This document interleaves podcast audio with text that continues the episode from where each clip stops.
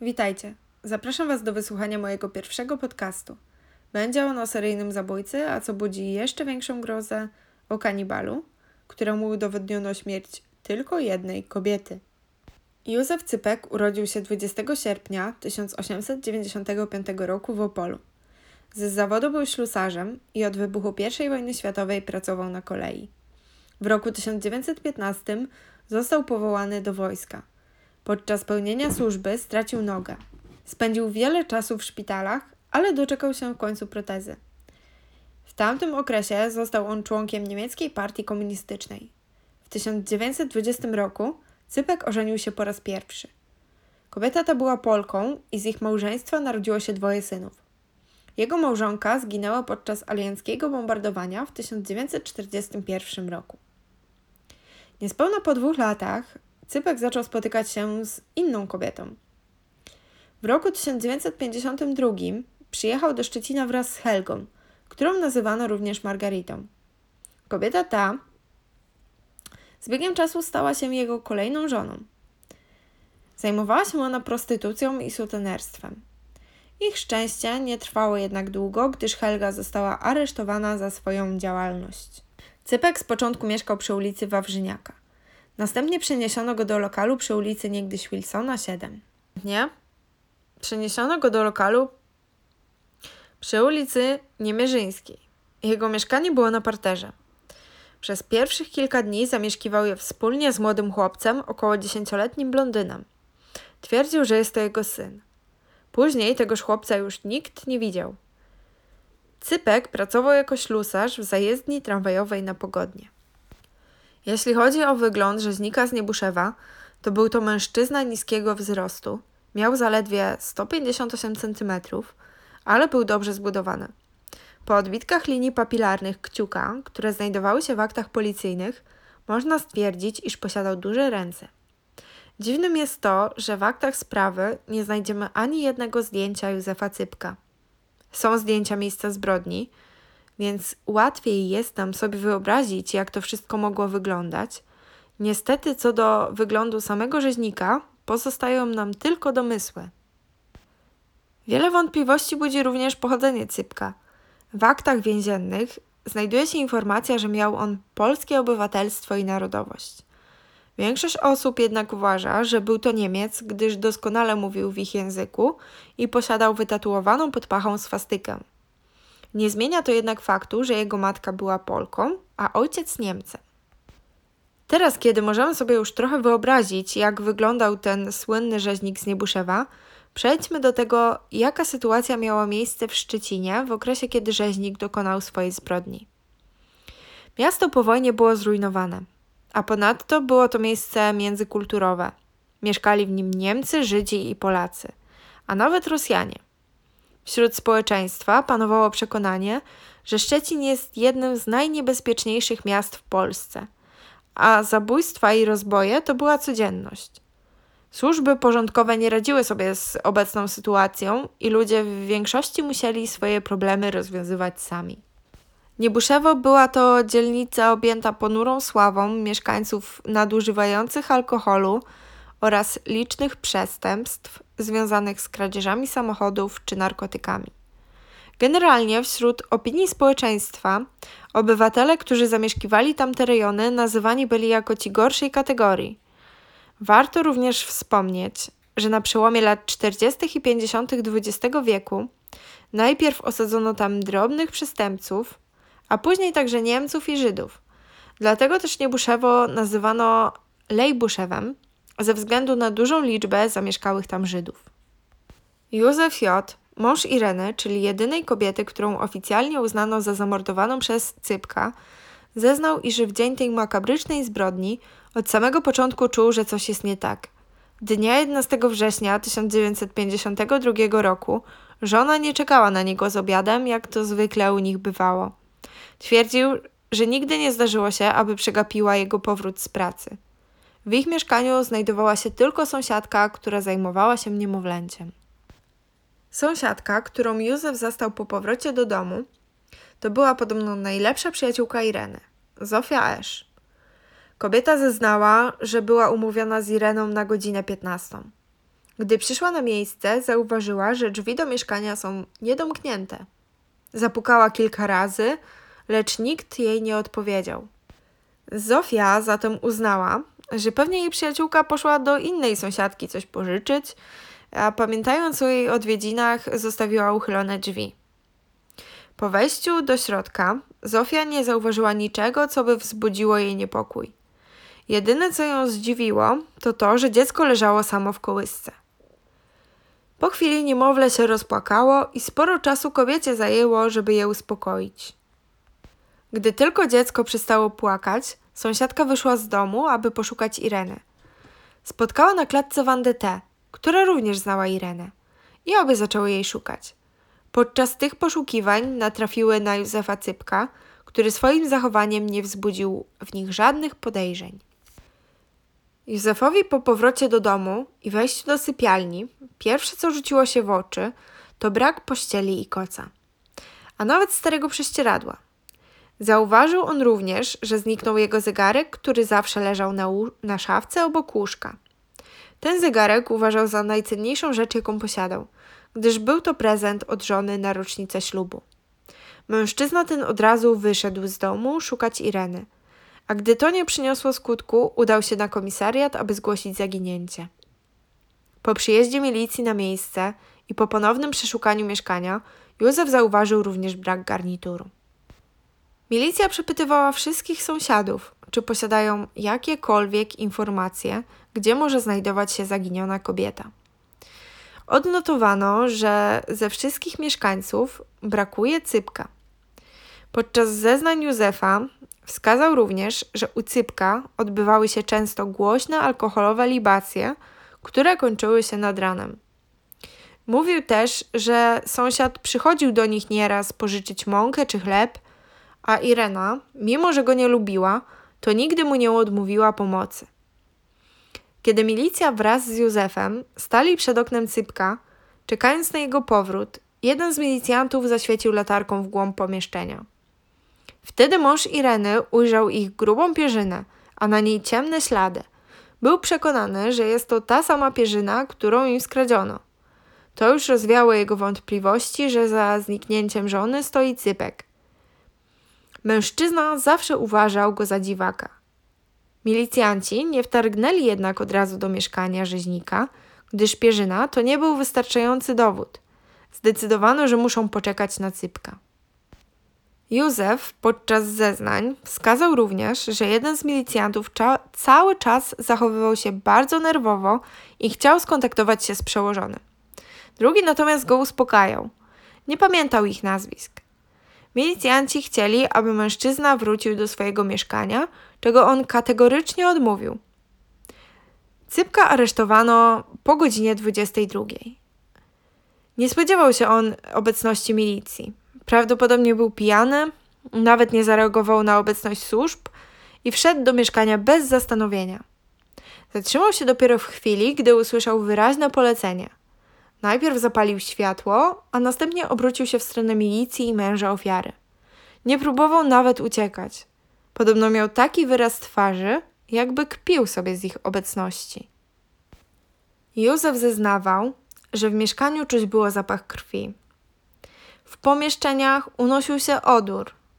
Mieszał się zapach krwi, wnętrzności i potu.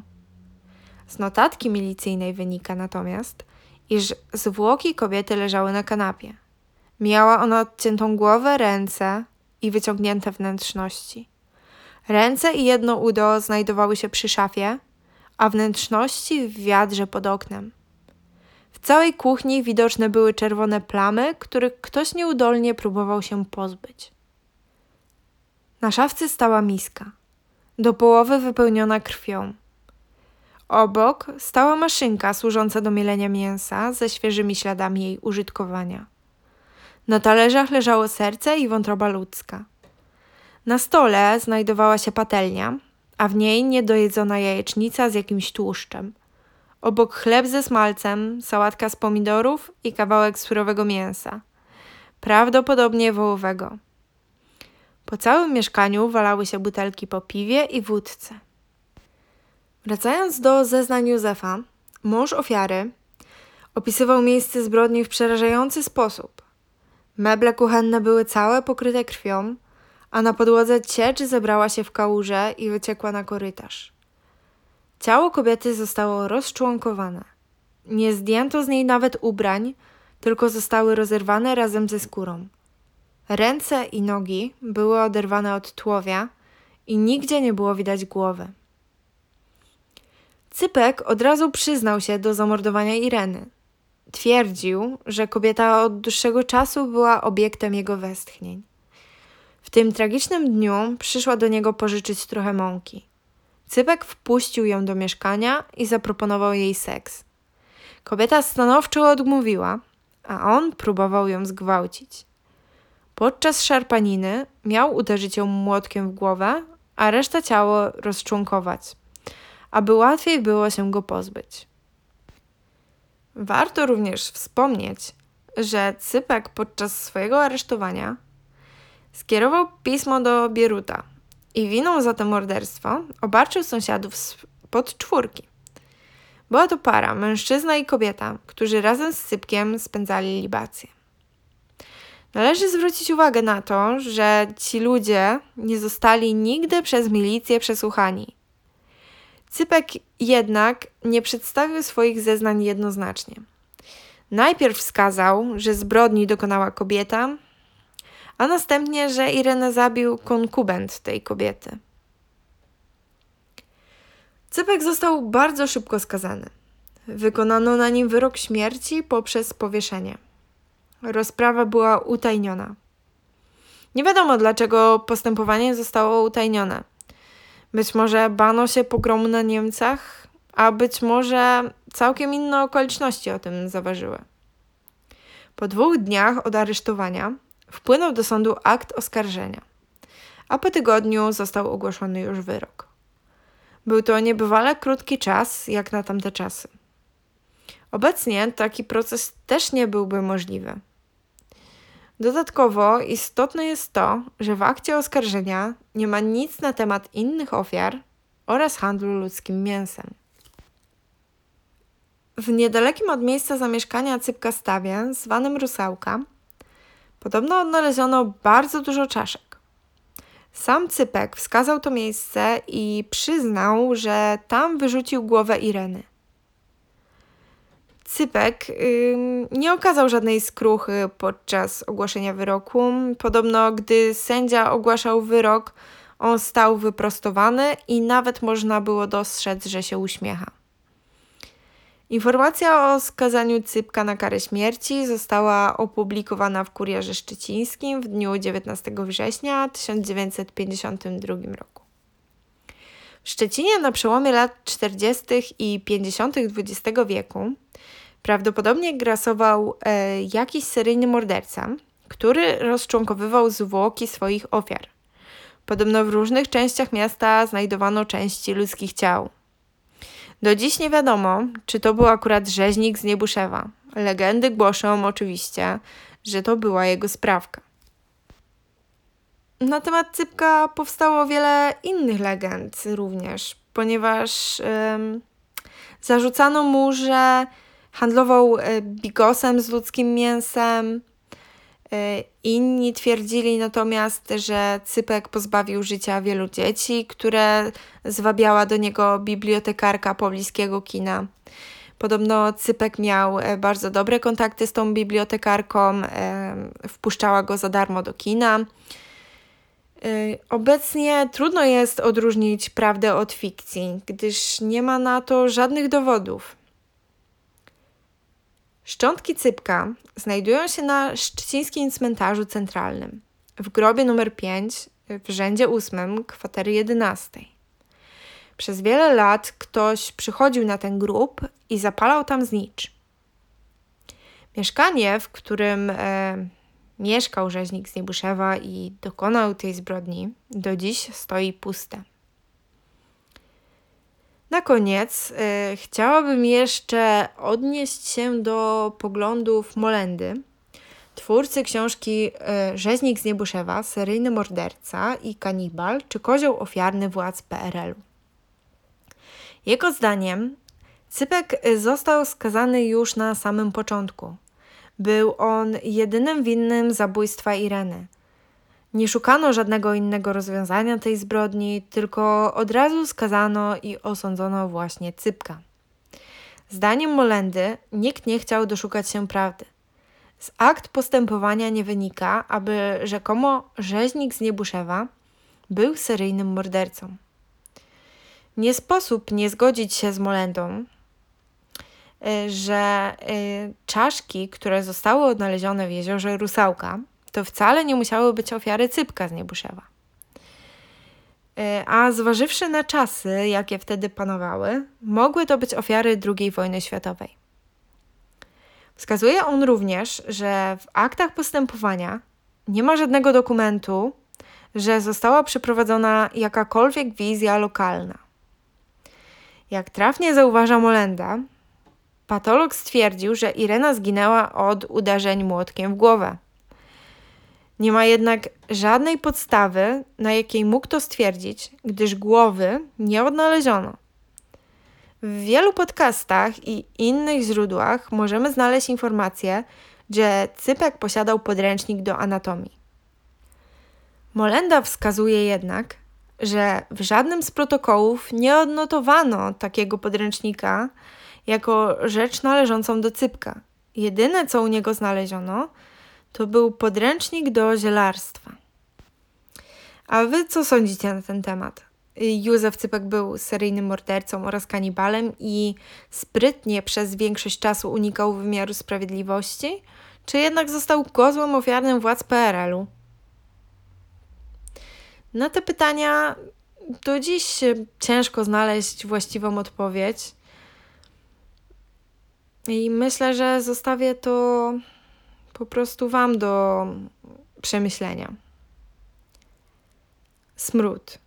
Śmierci smród unosi się nad głowami, a krew wylewa się ze wszystkich stron. Bestialski rzeźnik. To on.